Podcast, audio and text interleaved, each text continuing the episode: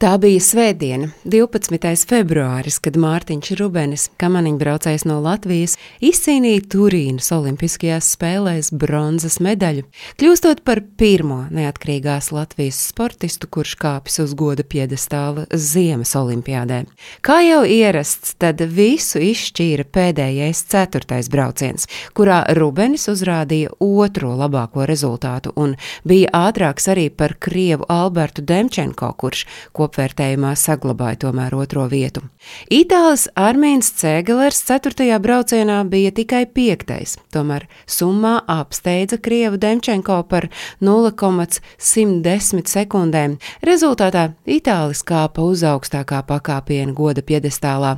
Otrā vieta tātad pienācās Krievu kamaniņbraucējiem, kamēr bronzas medaļa nonāca pie latvieša. Tobrīd 27 gadus vecā Mārtiņa Rubeņa, kura karjeras lielākā lielākie sasniegumi līdz tam bija sudraba un bronzas medaļas pasaules čempionātos. Olimpiādē Cēgaleram četru braucienu summā Rubenis zaudēja 0,357 sekundes, bet Demčenko 0,247. Ceturtās vietas ieguvēju amerikāni Toniju Benšūfu Rubenis nobrauca pēdiņās, protams, par 0,153 sekundēm. Starp citu, amerikāņi tiešām no sirds cerēja, ka Benšūvs iegūs trešo vietu un līdz ar to labu ģenerālu sponsoru. Taču, diemžēl, Mārtiņš Rubenis to amerikānim atņēma.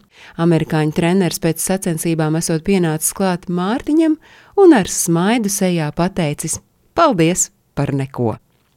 Pats Mārtiņš pēc notikušā atzina, ka rezultāts gan viņam nav bijis pārsteigums, sakot, ka, lai arī uz sacensībām pēc medaļām nav braucis, taču mačos allaž viņš centies gūt prieku un apliecinājumu tam, ka kaut kas ir padarīts. Bet par Turīnas trešo vietu Mārtiņš intervijās teica spēcāk šādus vārdus sēdēju uz starta un domāju, ka jebkurā gadījumā pēc labākās sirdsapziņas izdarīšu to, uz ko esmu gatavs. Kāds būs rezultāts, ar tādu būs jāsamierinās. Par šīm lietām es sevi īpaši necenšos dušīt. Kā jau teicu, rezultāts parāda objektīvo vietu, kurā tu esi, un tas ir adekvāts padarītajam darbam. Bronzas medaļa bija labākais, ko es to brīdi varēju izdarīt. Mārtiņš Rubenis 2006. gada Ziemas Olimpisko spēļu laikā kļuva par jaunu varoni, savu vārdu ierakstot Latvijas sporta vēsturē, jo neatkarīgās valsts laikā mūsu atlēti uz goda piedestāla līdz šim bija kāpuši tikai vasaras Olimpiskajās spēlēs. Pēc igauņu slēpotāja Andrusa Vērpalu Rubenis ir otrais Baltijas valstu sportists, kurš izcīnījis godalgu Ziemas olimpiādē.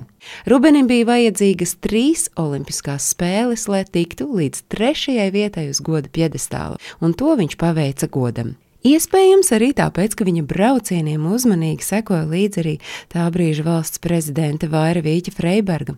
Drīz arī pēc medaļas izcīnīšanas prezidente Rubeni personīgi apsveikusi un viņa sasniegumu nosaukusi par vēsturisku, kā arī atzinīgi izteikusies par Latvijas līdzjutēju atbalstu kamaniņbraucējiem.